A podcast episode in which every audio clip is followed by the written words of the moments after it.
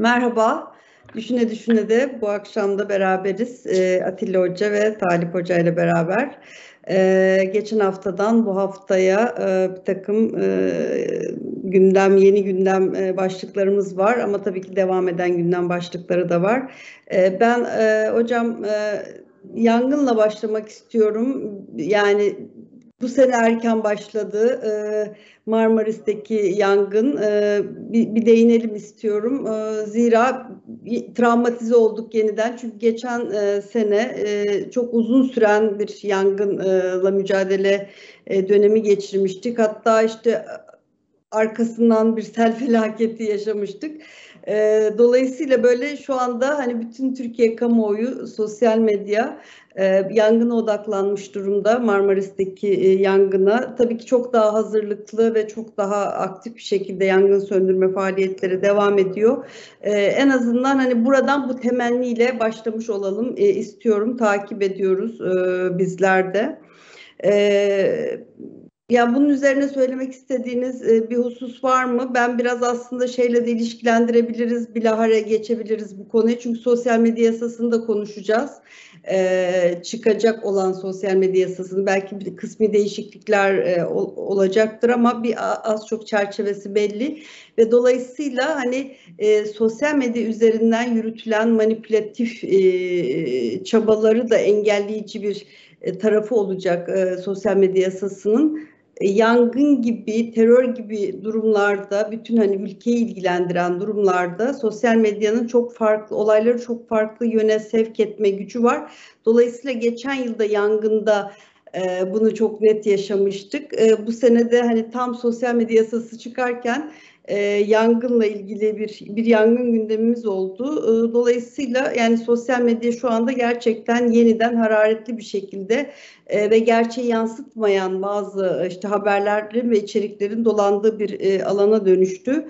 E, sosyal medya yasası da tam da aslında bunun da önüne geçmeyi e, amaçlıyor diyelim. E, dolayısıyla bu yangın gündemini burada bırakıp belki sosyal medya yasasını konuşurken tekrar döneriz e, diyorum ve e, biliyorsunuz geçen hafta da konuştuk Yunanistan-Türkiye gerginliği devam ediyor ama değişik bir şey oldu. E, bir önceki dönem e, Amerika'nın Suriye e, özel temsilcisi aynı zamanda eski Türkiye Büyükelçisi, Ankara Büyükelçisi James Jeffrey Türkiye-Yunanistan arasındaki gerginlikle ilgili bir röportaj verdi.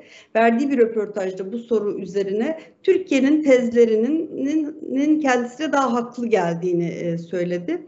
Ve dolayısıyla bu konuşuldu, e, oldukça konuşuldu. Çünkü şu anda Türkiye-Yunanistan arasında işte hem e, mil, işte kara suları ile ilgili bir sahanlıkla ilgili bir tartışma var. Zaten hani pek çok konu başlığı var alt alta sıraladığımızda işte Doğu Akdeniz'den Kıbrıs'a, Ege'deki adalardan işte yani çok, FETÖ'yü kayırmasına vesaire bir sürü başlık hani yeni eklenen ama tarihsel derinliği de olan pek çok başlık var Türkiye-Yunanistan ilişkilerinde zaman zaman e, hararetlenen, zaman zaman enfekte olan e, ve şu süreçte e, bunların yeniden gündeme geldiğini e, görüyoruz. Siz takip ettiyseniz Atilla Hocam sizinle başlayalım e, bu, bu hususu.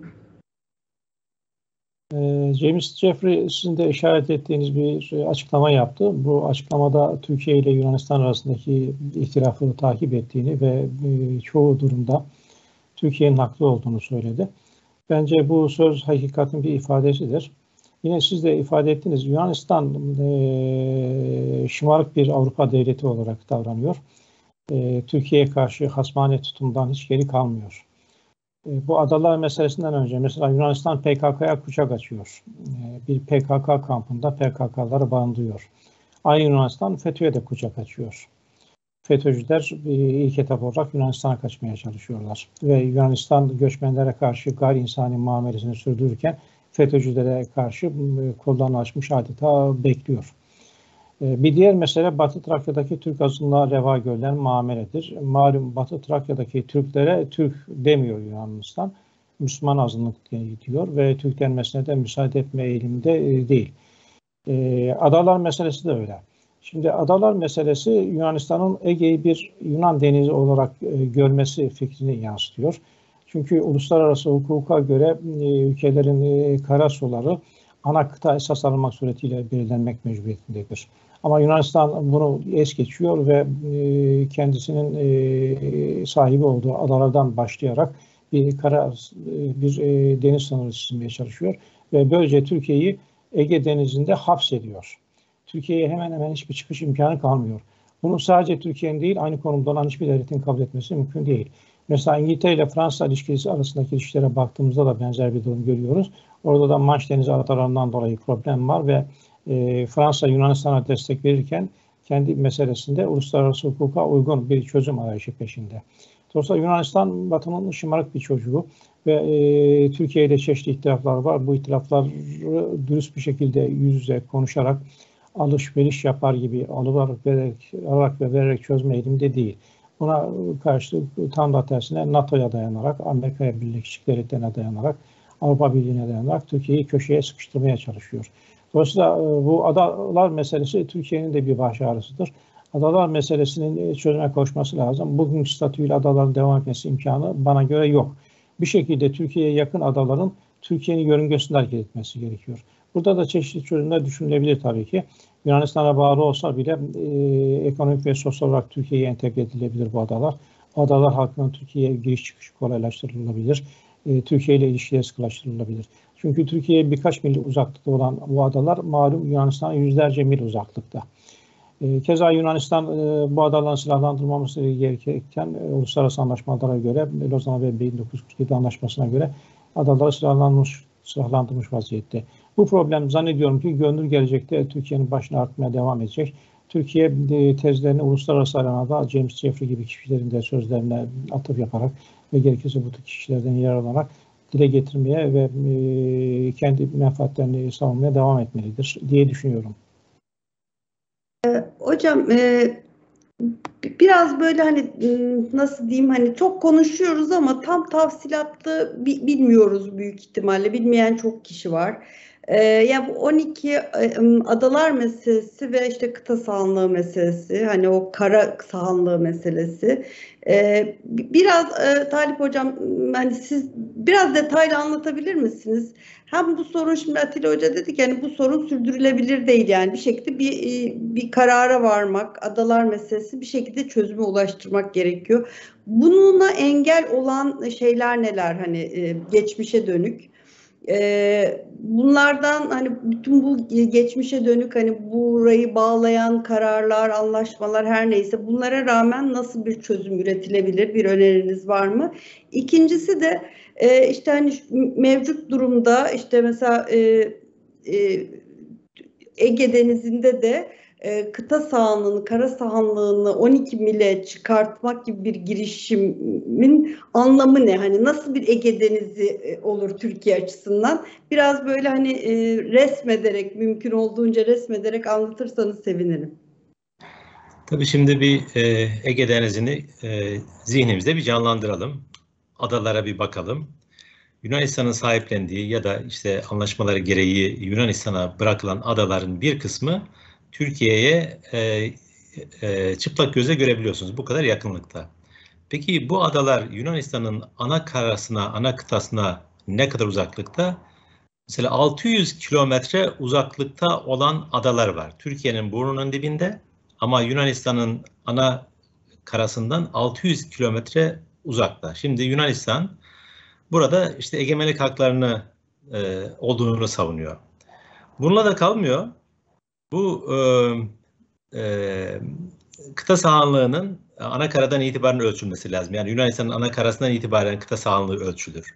Fakat Yunanistan bu uluslararası kurala Hocam, uymuyor diyor ki. Affedersiniz bir soru sorarak girmek istiyorum. E, bu adalar e, yani işte 600 e, mil uzakta bizim dibimizde olan bu ada yeni ortaya çıkmış bir ada olmasa gerek. Yani bu adalar anlaşması yapılırken bu adalar yok muydu? Var evet, bu hani çok şey bir soru ama bu soru var yani kafalarda böyle bir soru var. Ben bir tekrar etmiş olayım diye araya girdim kusura bakmayın. Vardı elbette. Yani şimdi tabii şu soru sorulabilir.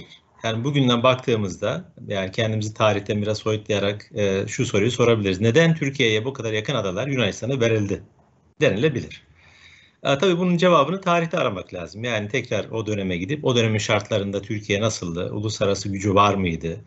E, yanında yöresinde arkasında müttefikleri var mıydı? Yoksa yapayalnız mı bırakılmıştı? Bütün bunlara bakmak lazım. Yani aslında yani bugünden bakarak tarihi belki de e, yorumlamak e, zor olabilir. Yani o günün şartlarına bakarak e, bunu e, değerlendirmek lazım. Ama bugünden bakılınca tabii vatandaş soracak. ama yorumlayabiliriz ama yargılamamak lazım tabii, belki. Tabii yani, yani ben e, o günün şartlarında Türkiye'nin e, ilgililerinin ellerine geleni yaptıklarını düşünüyorum. Yani Türkiye'yi Kurtuluş Savaşı'na çıkmış, e, bağımsız bir işte devlet olarak dünyaya kabul ettirmeye çalışıyor. E, yani Osmanlı İmparatorluğu'nu düşündüğümüz zaman tabii e, çok küçülmüş bir ülkeden bahsediyoruz bu anlamda.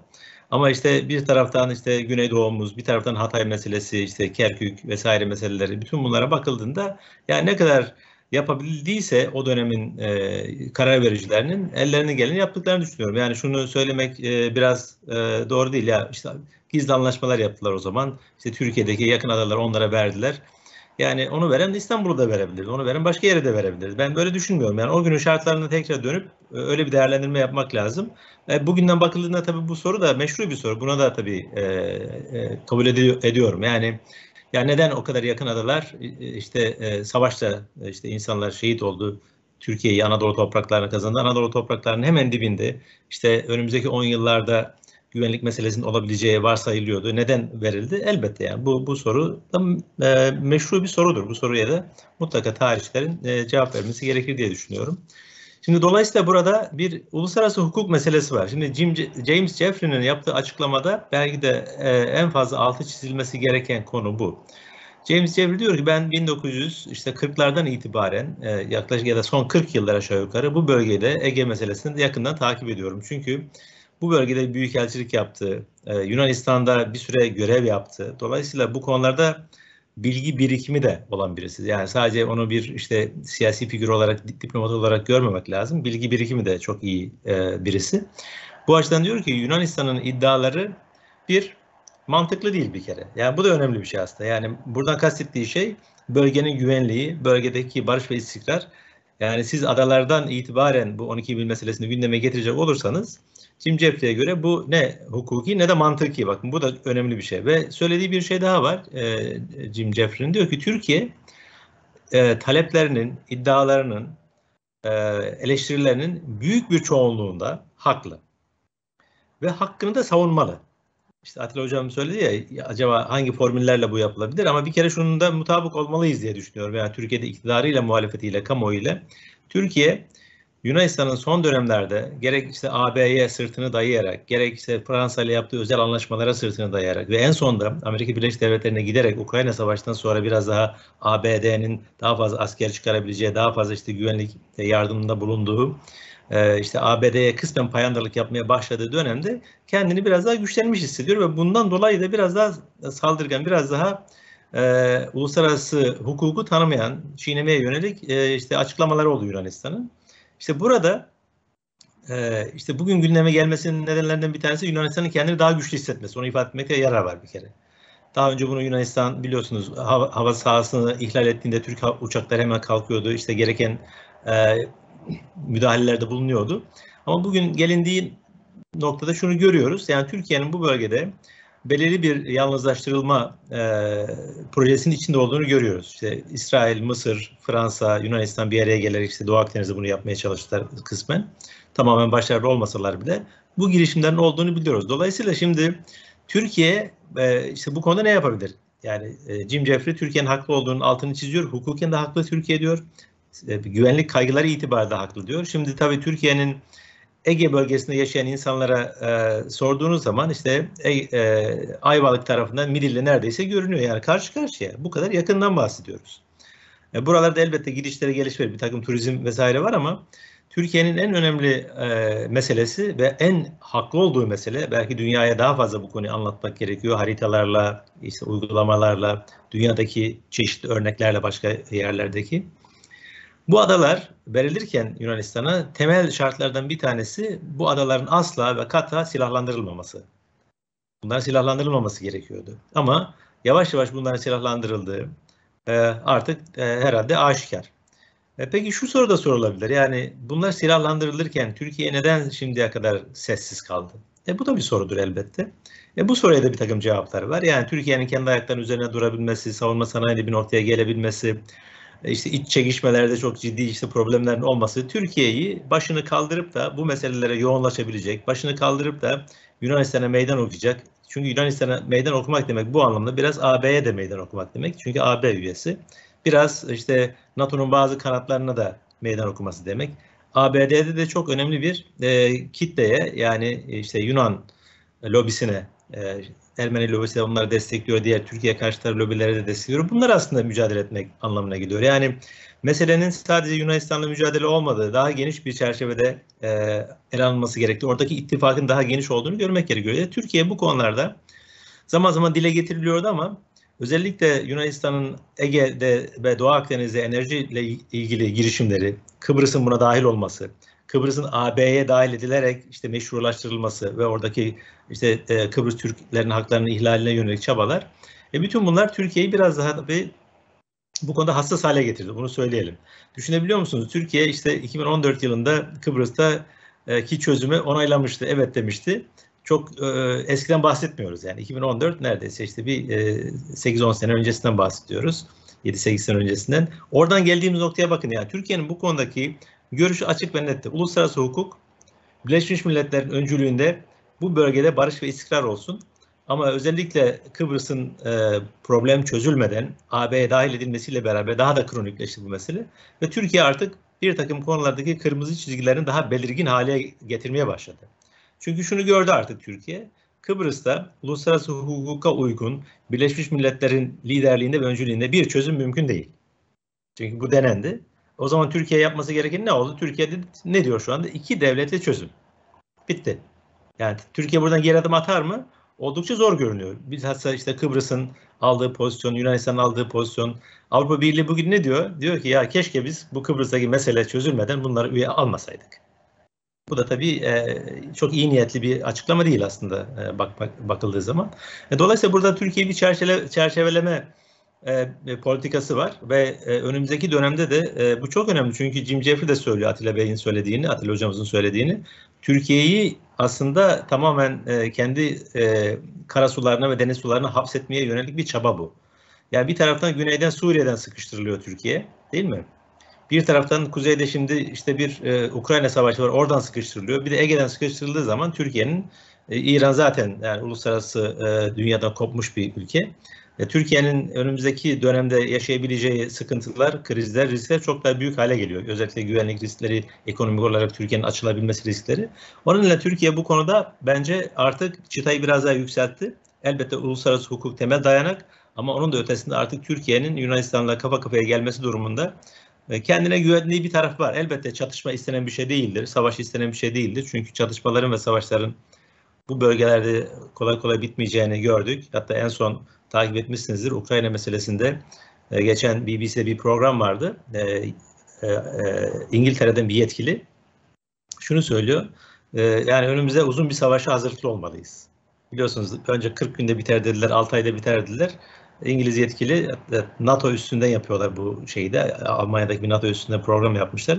Konuştukları herkesin söylediği savaşların uzayacağı. Elbette Yunanistan'la bir savaş istenmez. Ama ülkenin e, menfaatleri, çıkarları gerektiğinde de bu sert gücün artık Türkiye'de var olduğu zaten hissettiriliyor biliyorsunuz Yunanistan'a. E, geldiğimiz aşama tabii Yunanistan açısından bakıldığında da e, AB'nin diğer ülkelerine bakıldığında hakikaten e, çok şımarık bir çocuk vaziyetinde şu anda.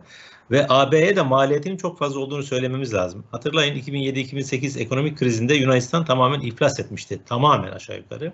AB gelerek kurtardı onu. Daha önceki dönemde de şunlar açığa çıktı aslında. Biliyorsunuz e, üyelik müzakerelerinde ve üyeliğin ilk yıllarında e, bir takım konulardaki standartların yükselmesi için AB keseyi açıyor tabiri caizse. Çok ciddi fonlar veriliyor. Bu fonların Yunanistan'da çarşur edildiği, çok kötüye kullanıldığı, bazı siyasetçilerin bunu kendi çıkarları için kullandığı ve toplumu tembelleştirdiği bütün bunlar var aslında. Yani bu açıdan bakıldığında Yunanistan e, AB'ye büyük bir yük Türkiye ile olan gerilimleri, Türkiye ile neredeyse böyle kafa kafaya gelmeleri de AB için daha büyük yük olacak. E, bunun için ben Türkiye'nin şu ana kadar aldığı pozisyonu çok mantıklı, rasyonel e, görüyorum. Çünkü Türkiye'nin şu anda karşılaştığı en önemli varoluşsal tehditlerden bir tanesi de Yunanistan'dan gelmeye başladı. Ve Türkiye bu konudaki e, çıtayı daha yükseltecek. Uluslararası platformlarda bu konuyu daha fazla gündeme getirecektir diye düşünüyorum önümüzdeki dönemde. Ee, hocam sanki bir, bir taraftan da bir kışkırtıcılık mı var e, şey Yunanistanlı yetkililerin dilinde? E, yani Şimdi şöyle bir manzara var ortada. Şimdi içeride Türkiye'de muhalefet e, işte Türkiye'deki hükümeti diyelim ki Cumhurbaşkanı'nı e, şöyle suçluyor. Ee, diyor ki hani Yunanistan'a karşı işte yüksek perdeden konuşarak işte içeride diyelim ki hani ekonomik e, meselelerin işte kayda değer değerlendirilmemesini e, gözden kalmasını sağlamak istiyor gibi bir yaklaşım var. Ama bakıyorsunuz Yunanistan yani Amerika Birleşik Devletleri'nde doğrudan işte bu F-16 satışlarına engel olmaya çalışarak ya da işte 6 mil olan e, kara e, e sahanlığını e, 12 mile çıkartabiliriz e, gibi yaklaşımlarla e, aslında hani işte Türkiye ile Yunanistan'ın kafa kafaya gelebileceği bir iklim e, oluşturuyor bu söylemlerin kendisi bizatihi. Şimdi burada hani Yunanistan hani menfaati ne? Şimdi sonuç itibariyle hakikaten işte Avrupa Birliği'ne şuna buna güveniyor mu? Ortada bir de Ukrayna Savaşı var malum. Yani Avrupa Birliği'nin aslında e, de facto durumda Amerika'nın da Avrupa Birliği'nin de de facto durumda aslında bir işte müttefikini proxy'ye dönüştürdüğünü görüyoruz yani mevcut deneyimlerden. Hani Yunanistan hani e, şımarırken bu kadar hani bu kadar e, nasıl şımarabiliyor diye sorayım. Hani gerçekten güveniyor mu arkasındaki bu güçlere e, Türkiye karşısında? Çünkü hani Yunanistan'dan baktığınızda hakikaten Türkiye mevcut ekonomisiyle, ekonomik büyüklüğüyle, işte savunmasıyla, nüfusuyla e, hakikaten bir imparatorluk gibi gözüküyor oradan baktığınızda. Hani Yunanistan kendi cürmüyle konuşmuyor. Bu çok net. Ama e, sırtını dayadığı aktörler e, bu kadar güvenilir aktörler mi hala mevcut e, işte konjonktürde diyelim ki? Geçenlerde bir Yunan milletvekili bir açıklama yaptı. Görmüşsünüzdür. Uluslararası sistem açısından Türkiye Yunanistan'dan daha büyük ülkedir şeklinde bir açıklama yaptı. Gerçekten de öyle. Ee, Yunanistan'daki politikacılar pek e, bunu kavramış değiller. E, işin kötüsü pek dürüst de değiller. Malum e, Tayyip Erdoğan'la Mitsotakis görüşmesinde bir mutabakata varılmıştı. Bu mutabakat problemleri kendi aramızda konuşarak çözme, üçüncü tarafları dahil etmeme mutabakatıydı. Ama hemen ertesinde Mitsotakis Amerikan ziyaretinde Amerikan Senatosu'nda e, Türkiye'yi zehir zemberek sözlerle şikayet etti ve Türkiye'ye adeta adı konmamış bir savaş ilan edilmesini istedi. E, bu çirkin bir davranış tabii ki. E, siyasetçiler sözüne güvenilir olmalıdır ki siyasetçilerle müzakere sürdürülebilsin. Bunun üzerine Cumhurbaşkanı Erdoğan tavır koydu. Bu sefer de geri adım atıyormuş gibi bir havaya girdi. Yani Türkiye'ye karşı söylemimizi yumuşatmalıyız havasına girdi. Yunanistan sizin de işaret ettiğiniz gibi kendi gücüne dayanarak Türkiye ile hiçbir e, şekilde bir mücadele etme gücüne sahip değil. Türkiye Yunanistan'dan bakınca dev bir ülke, her bakımdan da avantajlı bir ülke. Ama Amerika Birleşik Devletleri ve AB'yi arkasına aldığı zaman tabiri caizse Türkiye'ye efeleniyor. Fakat Amerika Birleşik Devletleri'ne ve AB'ye ne kadar güvenilir o da bir tartışma konusu defa AB'nin e, bir e, askeri gücü hemen hemen yok gibi bir şey. Bir AB ordusu yok. AB savaşan bir e, güç değil. Amerika Birleşik Devletleri de Yunanistan'la Türkiye arasında tercih yapmak zorunda kaldığında hangisini feda eder? Ayrı bir tartışma konusu. Dolayısıyla Yunanistan için tek makul çözüm yine Türkiye ile konuşmak, müzakere etmek, Ege Denizi'ni bir barış denizine dönüştürmek, adaları silahsızlandırmak, ve e, ada halkının Türkiye ile yakın temas içerisine girmesini yolunu açmaktır. Ama bu yola gelecekler mi? Hangi maliyette gelecekler? Ne zaman gelecekler? Bunu zamanla göreceğiz. Benim James Jeffrey'nin röportajından hani aklımda kalan bir şey daha var. Ee, şimdi ya, kamuoyunda Amerika'nın Yunanistan'da işte yeni üsler açtığı, askeri varlığını çoğalttığına dair bir e, algı var. Bir realite tarafı da var tabii ki bunun ama James Jeffrey diyor ki E, şimdi tam tarih veremeyeceğim aklımda e, kalmadı ama eski bir tarihle kıyaslayarak bunun çok gerisinde diyor. Yani Amerika'nın e, şeydeki Yunanistan'daki askeri üs sayısı eskiden çok daha fazlaydı diyor. E, dolayısıyla hani mevcut durumun e, böyle hani yeni eskiden farklı olarak hani e, Amerika işte Yunanistan'da üstleniyor e, diyebileceğimiz bir e, vasatta olmadığını ifade ediyor. Belki hani bu, bunu da ne kadar e, realiteyle uyuşuyor hani bunu test edebilecek durumda değilim şu anda ama bu da benim dikkatimi çekmişti o röportajdaki sözlerden. Şimdi başka bir başlığa geleceğim. E, Atilla Hocam e, yine dünden beri çok konuşuluyor biliyorsunuz. E, Prens Selman e, Suudi Arabistan veliahtı e, Türkiye'ye geldi. E, bir e, işte Cumhurbaşkanı'nın bir Suudi Arabistan ziyareti olmuştu. Ben de e, gazeteci olarak o ziyareti takip etmiştim. E, Ramazan ayı içerisinde Ramazan ayının sonuna doğruydu. Ee, ve onun karşılığında e, Prens Selman da Türkiye'de işte Cumhurbaşkanı'nı ve heyetini e, tarafından ağırlandı. Şimdi pek çok şey var tabii ki hani konuşulacak tarafı var bu ziyaretin, karşılıklı ziyaretlerin. Bir tanesi kuşkusuz hani uzun süredir zaten hani gergin bir ilişki vardı. Hatta kopan bir ilişki vardı. E, biliyorsunuz hem e, e, ismini şu an getiremiyorum. E, e, katledilen gazeteci. E, Cemal Kaşıkçı. Cemal Kaşıkçı.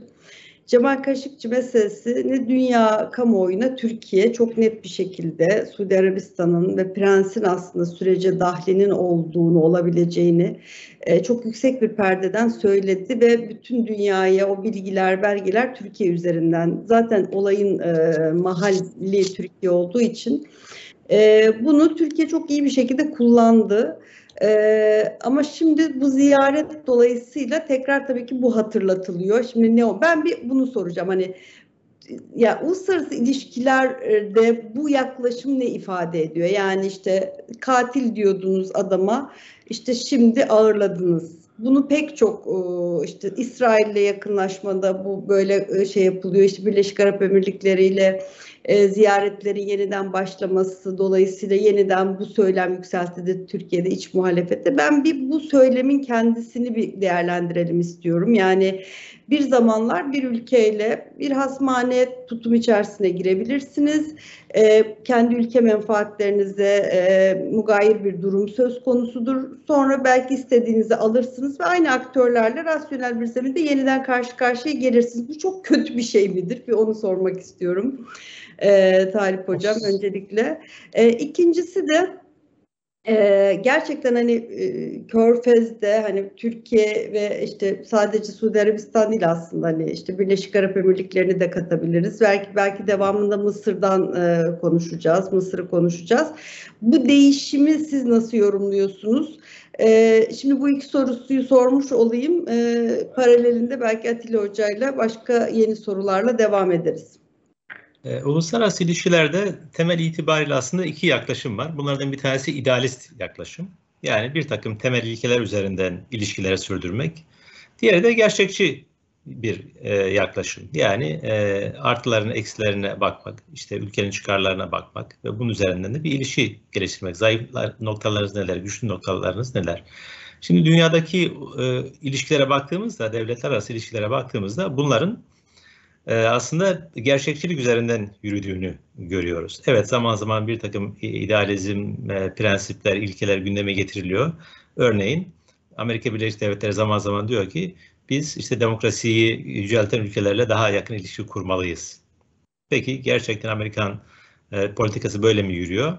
Zaman zaman belki bu ilkeye e, önem verdiklerini hissettiriyorlar ama e, çoğu zaman böyle olmadığını görüyoruz. Mesela diyelim ki işte şu anda Çin'le e, zaman e, problemleri var diyelim. Hemen Uygurlar meselesini gündeme getiriyorlar. E, belli bir e, şeyde tutuyorlar onu. E, gündemde tutuyorlar belli bir süre sonra ama daha sonra gündemden kaybolup gidiyor.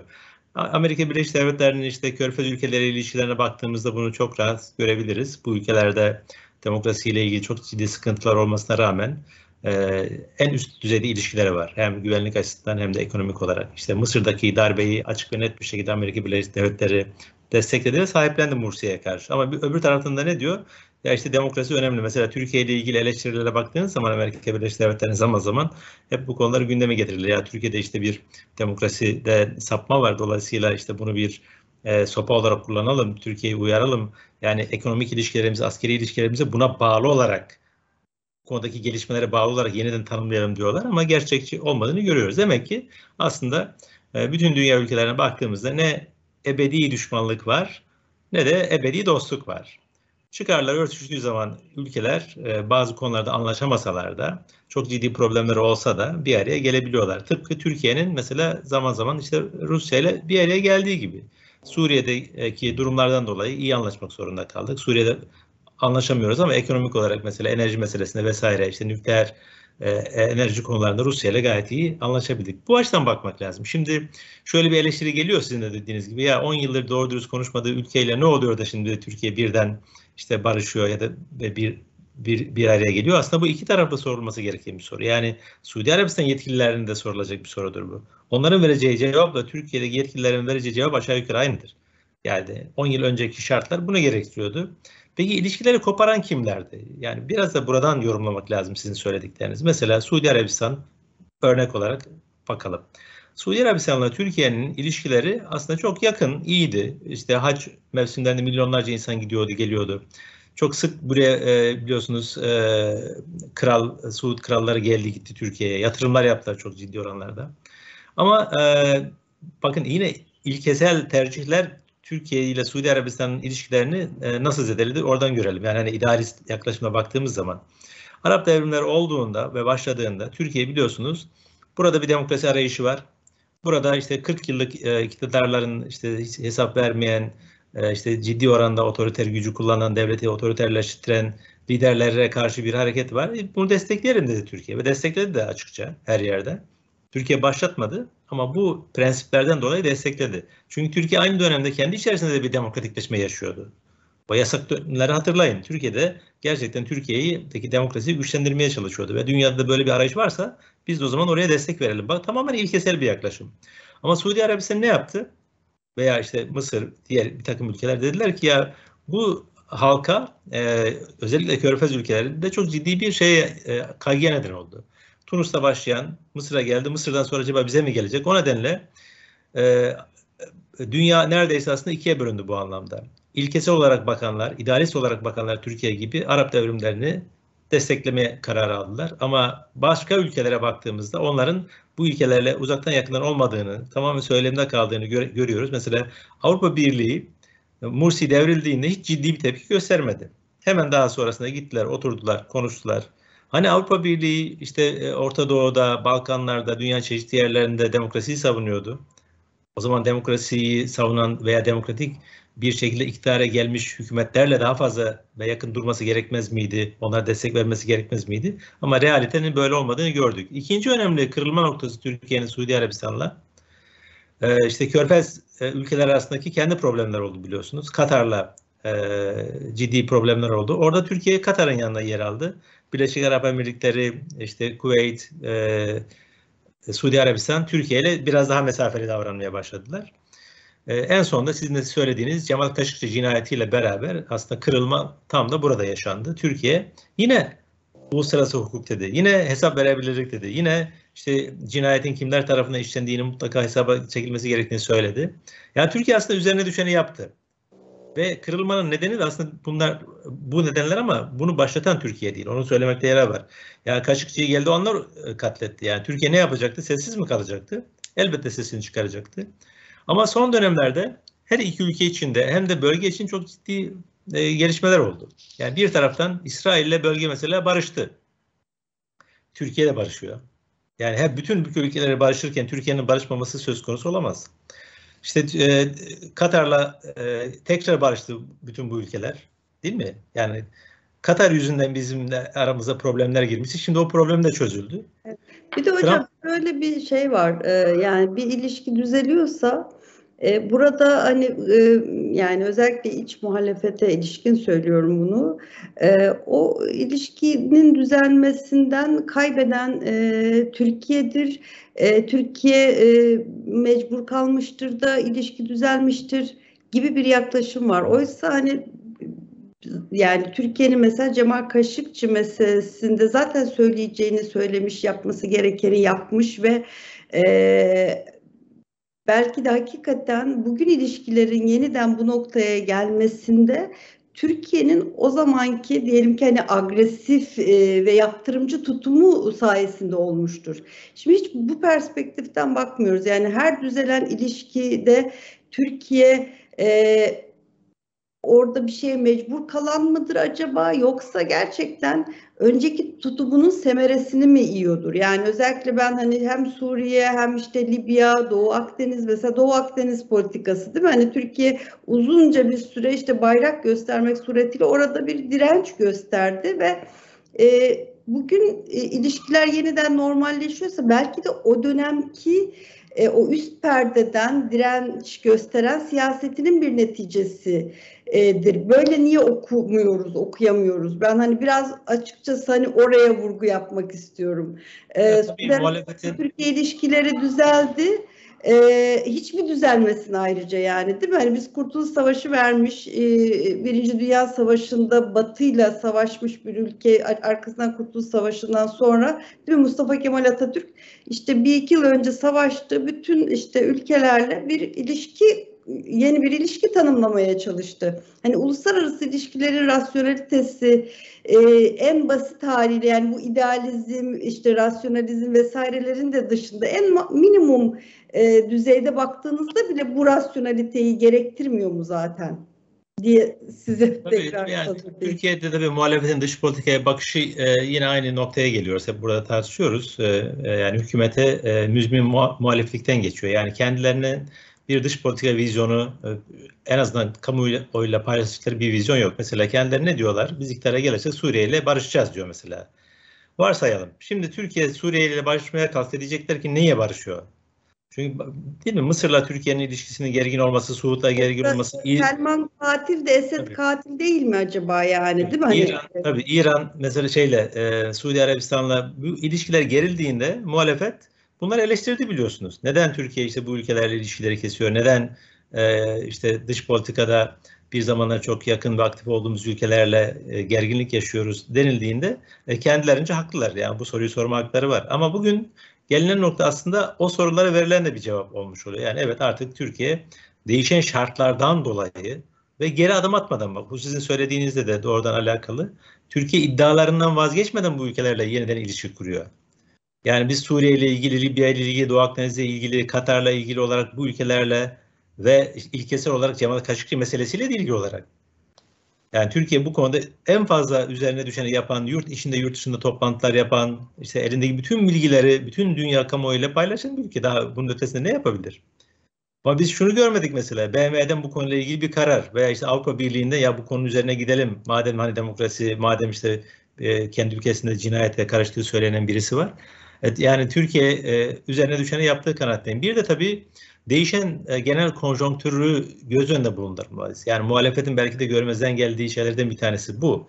Yani dünya 20 sene önceki gibi de değil, 10 yıl önceki gibi de değil. Yeni bir savaş başlayabiliyor çevrenizde o zaman tekrar sizin aranızın bozuk olduğu ülkelerle yeniden ilişki geliştirmeniz gerekir. Hatta bazen bunu sizin başlatmanız gerekebilir. İlla da oradan beklemek gerekmeyebilir. E, diplomasi dediğimiz şey zaten böyle bir şeydir. Yani bir de diplomaside hiçbir zaman yüzde yüz talebiniz yerine gelecek diye de bir şey yok. Bazı konularda anlaşırsınız, bazı konularda hala dondurursunuz ve zamana bırakabilirsiniz. Yani muhalefetin Türk dış politikası ile ilgili önümüzdeki 10 yıllarda nasıl bir yol izleyeceği, temel ilkelerin neler olacağı, hangi ülkelere nasıl bakacağı bu netleşmiş değil. Yani belki de iktidar tecrübesi olmadığı için olabilir. Bunu zamanla e, göreceğiz yani netleştireceklerimiz seçime doğru aslında yaklaşıldıkça pek çok alanlardaki başlıklarda bir e, topluma herhalde yol haritası sunacaklardır e, muhalefet. Ekonomide, sağlıkta, kültürde, eğitimde, dış politikada. Ama şunu söylemek çok e, yani e, kaba bir davranış olur. Ya dün hükümet e, işte e, iyi olmadığı ülkelerle nasıl oluyordu bugün bir araya geliyor. Ne verdi acaba? Hangi tavizleri verdi acaba? Yok Türkiye'nin bir taviz verdiği falan yok. Tam tersi bu ülkelerle ilişkileri gelişirse Türkiye üreten bir ülke olarak bakın. Arap dünyasıyla eğer Orta Doğu ile Türkiye ilişkileri geliştirirse Türkiye'nin oradan alacağı bir şey yok aslında bu anlamda. Türkiye oraya satacak. ürettiklerini gönderecek. Savunma sanayinde, yüksek teknolojide, diğer alanların hepsinde. Şu anda Türkiye'de ne üretirseniz dünyaya satabiliyorsunuz. Böyle bir şey olacak. Ayrıca şunu da söyleyelim. Bu ülkeler peki halklarla iktidarları karıştırmayalım. Halklar hiçbir zaman Türkiye'de Türkiye'ye olumsuz bakmadılar. İktidarlar kendi çıkarlarına uygun olmadıkları için Türkiye'ye sıkıntı yaşatmaya çalıştılar. Bunu hiçbir zaman unutmamalıyız. Yani biz bir ülkenin liderine kızdık diye, bir ülkenin hükümetine kızdık diye o ülkenin genel işte milyonlarca e, halk yığınlarından bahsediyoruz. Onlardan kopmamalı diye düşünüyorum ben. Çünkü o insanlar hala Türkiye'de tatil yapmak istiyor, hala Türkiye'de okumak istiyor, hala Türkiye'de Türkiye ile ticaret yapmak istiyor. Bu büyük bir potansiyel Türkiye için. Yani Arap dünyası bugün Arapça konuşan ülkelere baktığımızda 400-500 milyonluk bir nüfustan bahsediyoruz yani. Alım güçleri de gittikçe artan özellikle körfez ülkeler olmak üzere. E, dolayısıyla yani oralara aslında buralar İslam ülkesi, buralarda şeriat var, buralar ya işte Araplar, bunlarda medeniyet yok diyen insanlar aslında e, bir büyük bir çoğunluğu Arap dünyasına öyle bakan insanlar. Yani orayla işler bozulduğu zaman kızan, işte biraz e, yaklaşıldığı zaman e, eleştiren. Ama bir şeyle bitireyim bunu. Bu çok ilginç geldi bana. Geçen bir e, e, kamuoyu yoklamasının e, yapan bir şirket e, sahibi paylaşmış. Türkiye'deki kamuoyunun e, özellikle işte İsrail, Mısır, e, Suudi Arabistan, Katar, Birleşik Arap Emirlikleri ile yakınlaşmasına nasıl bakıyorsunuz diyor. Türkiye'de yüzde 65'i insanların olumsuz baktığını ifade ediyor. Bana biraz şey garip geldi bu yani. Ya bir manipülasyon var ya da e, bunu iyi analiz etmek lazım. Yani bunun arkasında ne olabilir diye düşünmek gerekir diye varsayıyorum. NATO ile ilgili sıkıntılarımız var. Yani Türkiye'nin NATO'ya bakışı, ABD'ye bakışı. E çünkü hani terörle ilgili meseleler, PKK'ya, YPG'ye verdiği meseleler onu anlıyoruz ve biliyoruz ama bu ülkelere neden e, e, yakınlaşmayı Türkiye acaba ya da kamuoyu böyle düşünüyor? E, ben çözemedim doğrusu. Böyle bir sonuç var ama bir hadi doğrulanması lazım tabii başka araştırmalarla belki. E, oldukça ilginç gerçekten. Benim de aklıma şu geldi. E, bu hani yangın haberlerine bakarken sosyal medyada şöyle bir eşleştirmeye rastladım. Ee, şimdi az önce dediniz ya işte geliyorsa bir onların bir çıkarı vardır. Ee, bizim de hani devlet olarak değil ama hani bir grup yönetici elitin çıkarı olduğu düşünülüyor belli bir kesim tarafından. İşte yangın çıkartılmış. Ee, işte Prens Selman'a Marmaris'te arazi tahsis edilecekmiş. ee, yangınlar da o yüzden çıkartılmış. Şimdi hani e, toplumun hani bunun tabii ben çok hani çok marjinal bir şey bu hani buna inanacak insan vardır demek bile istemiyorum ama hani varsa da hakikaten e, o sizin sözünü ettiğiniz anket sonucuna da bağlayabiliriz. Gerçekten böyle bir şeyle hani beslemeyle birileri e, gündemden haberdar oluyorsa hani gündemi böyle zehirli bilgilerle, e, dezenformasyonla e, ediniyorlarsa hani o kitlenin e, iki devletin halklarının e, işte kaynaşmasından, ilişkilerin normalleşmesinden rahatsız olması da beklenebilir bir şey e, diyebiliriz belki. Atilla Hocam konuyu değiştireceğim. Hem bu Değiştirmeden bir, bir şeyler söyleyebilir miyim? Elbette ki buyurun. Ee, yani e, Talip Bey gayet iyi işaret etti. Türkiye'de kategorik muhalif bir kesim var. Bu kategorik muhalif kesime göre hükümet ne yaparsa yapsın, nasıl yaparsa yapsın yanlıştır, hatalıdır. Hükümetin yaptığını tamamen ters yapılmalıdır. Yani bu akla da mantığa da aykırı bir tavırdır tabii ki. Mesela dış politikada Türkiye Suriye ile kavga ediyor mu? Ediyor. Bu politika dış politika muhalefete göre yanlıştır. Yarın bir gün Suriye ile dost olmaya kalksa Türkiye bu politikadan muhalefete göre yanlış olacaktır. O, o da yanlıştır. Dolayısıyla yanlışlı veya doğru e, objektif bir tanıma sahip değildir. Muhalefetin bakış açısına bağlıdır bu yaklaşıma göre. Halbuki dış politikada ebedi düşmanlıklar ve dostluklar yoktur. Mesela e, Türkiye-Suudi Arabistan ilişkilerinde olduğu gibi Cemal Kaşıkçı, Amerika ve Suudi Arabistan ilişkilerinde de bir problemdir. Türkiye'de öldürüldü. Dolayısıyla cinayet Türkiye'yi ilgilendiriyor. Mısır'da olsaydı Türkiye hiç ilgilenmeyebilirdi.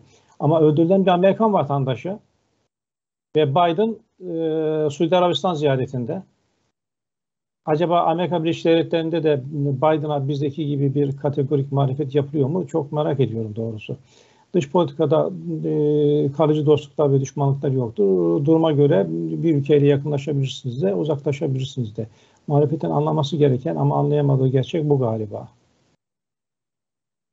Ee, peki hocam, e, basın kanunu bir, bir, bir meclis gündemi yapıyoruz biz bir süredir e, bu yayının e, son çeyreğinde diyelim ki.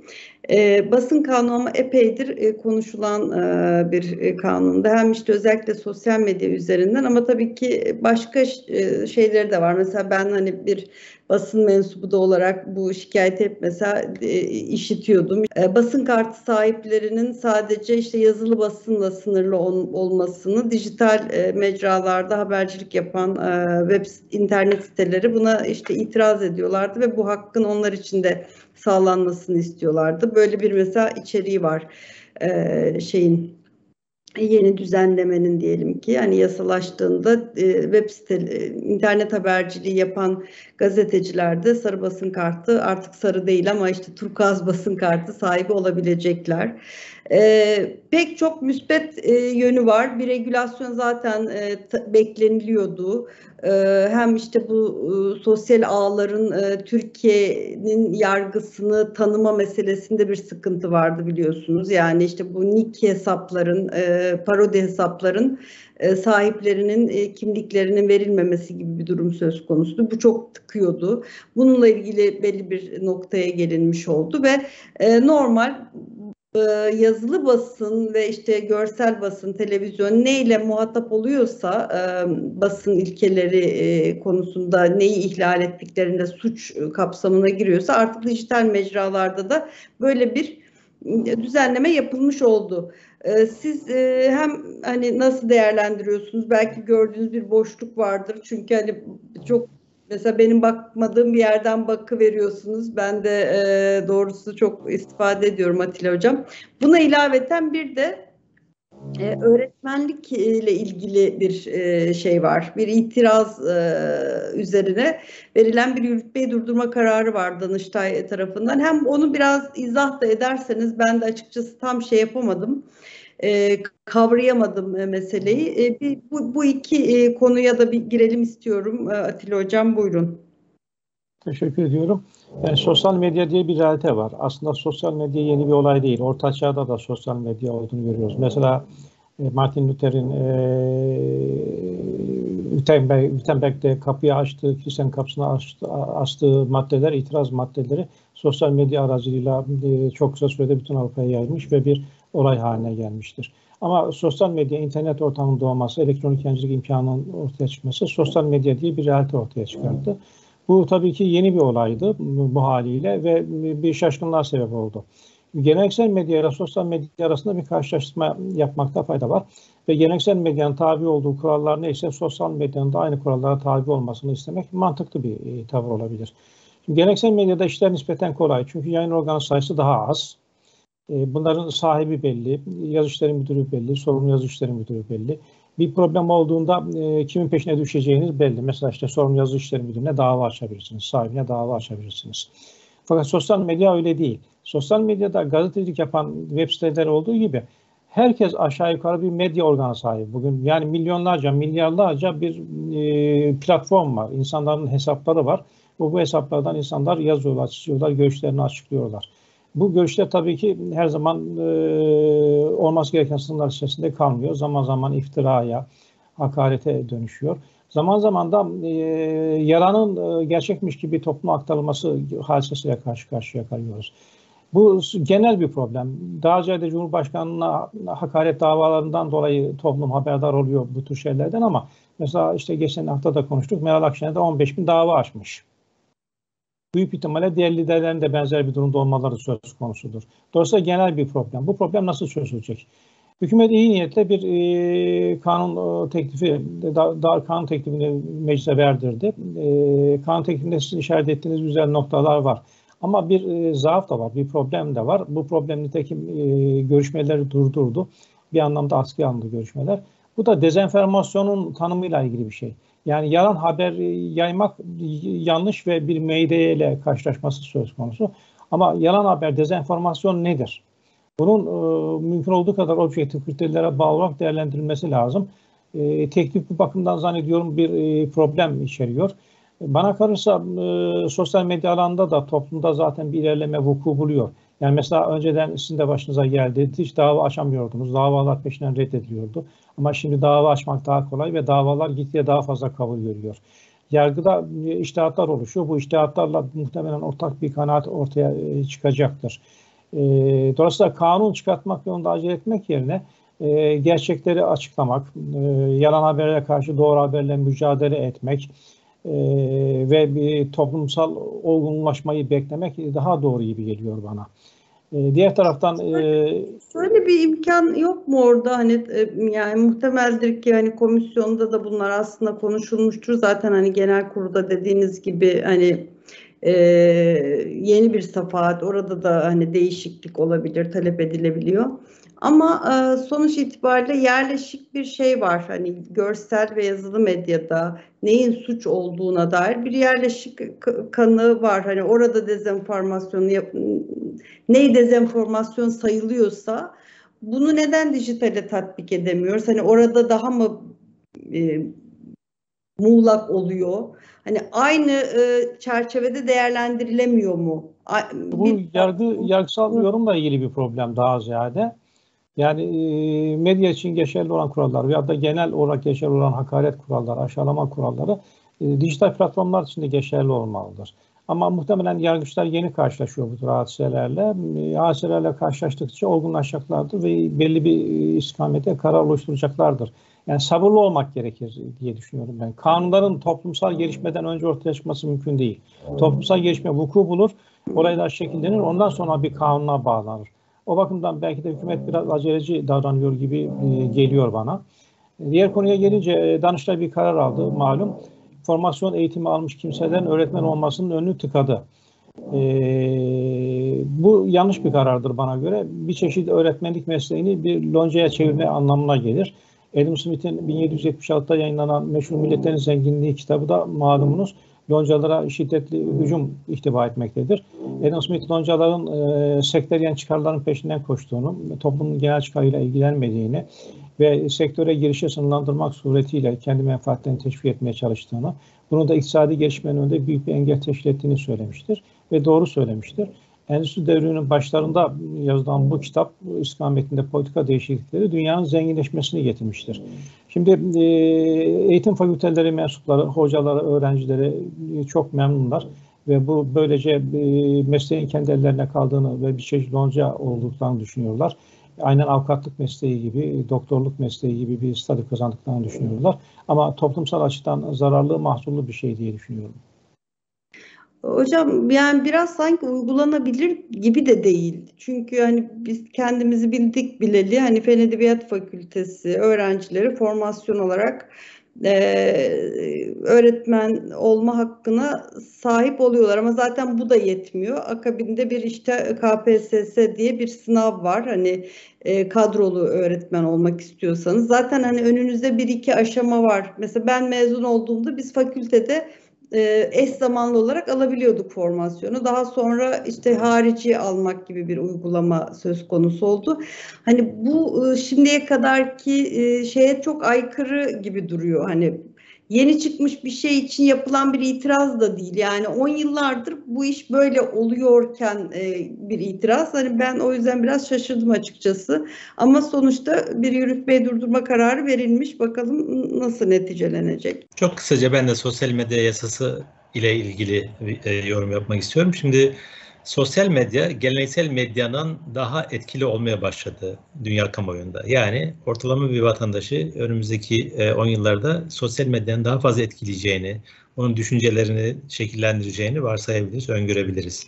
Hatta şu anda özellikle Amerika Birleşik Devletleri'nde ve Avrupa'daki bazı ülkelerde ülkenin seçimlerinde sosyal medyanın nasıl manipüle edildiğini veya sosyal medyanın nasıl kullandığına ilişkin çok ciddi iddialar var. Amerika Birleşik Devletleri seçimlerinde Rusya'nın özellikle Facebook üzerinden e, e, insanların oy davranışını etkilediğini, bazı adayların işte itibar suikastına maruz kaldığını, onlarla ilgili iddialar paylaşıldığını söylediler. Avrupa Konseyi Parlamenterler Meclisi'nde ben üyelik yaptığım dönemde de bu konu gündeme geldi. Acaba Avrupa'daki seçimlerde de farklı ülkeler benzer yöntemleri kullanarak yani sosyal medyayı kullanarak demokrasiyi tehdit edebiliyor mu? Bakın yani gelinen nokta bu. Sadece mesele bir kişiyi te- e, tehdit etmek veya bir kişiyle ilgili itibar suikasti yapmak, iftira atmak, yalan haber yapmak değil. Onun da ötesinde aslında sisteme yönelik, ülkenin demokrasisine yönelik, devletin belki de bekasına yönelik tehditlerin de oluşabildiği burada aslında somut bir takım şeyler var, yaşanmış şeyler var. Dolayısıyla bu alanın bir şekilde monitör edilmesi, bu alanla ilgili bir yönetmeliğin, yasanın, düzenlemenin çıkması zaruri. Bunu ifade etmekte yarar var. Yoksa Atilla Hoca'nın da söylediği gibi milyonlarca insan, milyonlarca grup, milyonlarca belki başka organize gruplar buraları manipüle edebilir. Buradaki temel mesele şu olmalı diye düşünüyorum. Yani hukukta elbette yargıda yorum önemli. Yani bu yorumu mümkün olduğunca daraltabilecek açıklıkta ve netlikte düzenlemeler yapılması gerekir. Düzenleme yapılması gerekir mi? Elbette gerekir. Az önce bahsettiğim örnekler şu anda dünya kamuoyunda çok tartışılan örnekler. Peki. Ee, önümüzdeki hafta programı umuyorum ki hakikaten hani Marmaris'teki yangının e, dan eser kalmayacak bir noktaya gelmiş olarak açarız. Ee, umuduyla bugünkü programımızı kapatalım. Teşekkürler Atilla Hocam, teşekkürler Talip Hocam. Ee, sizlere de sevgili izleyiciler görüşmek üzere.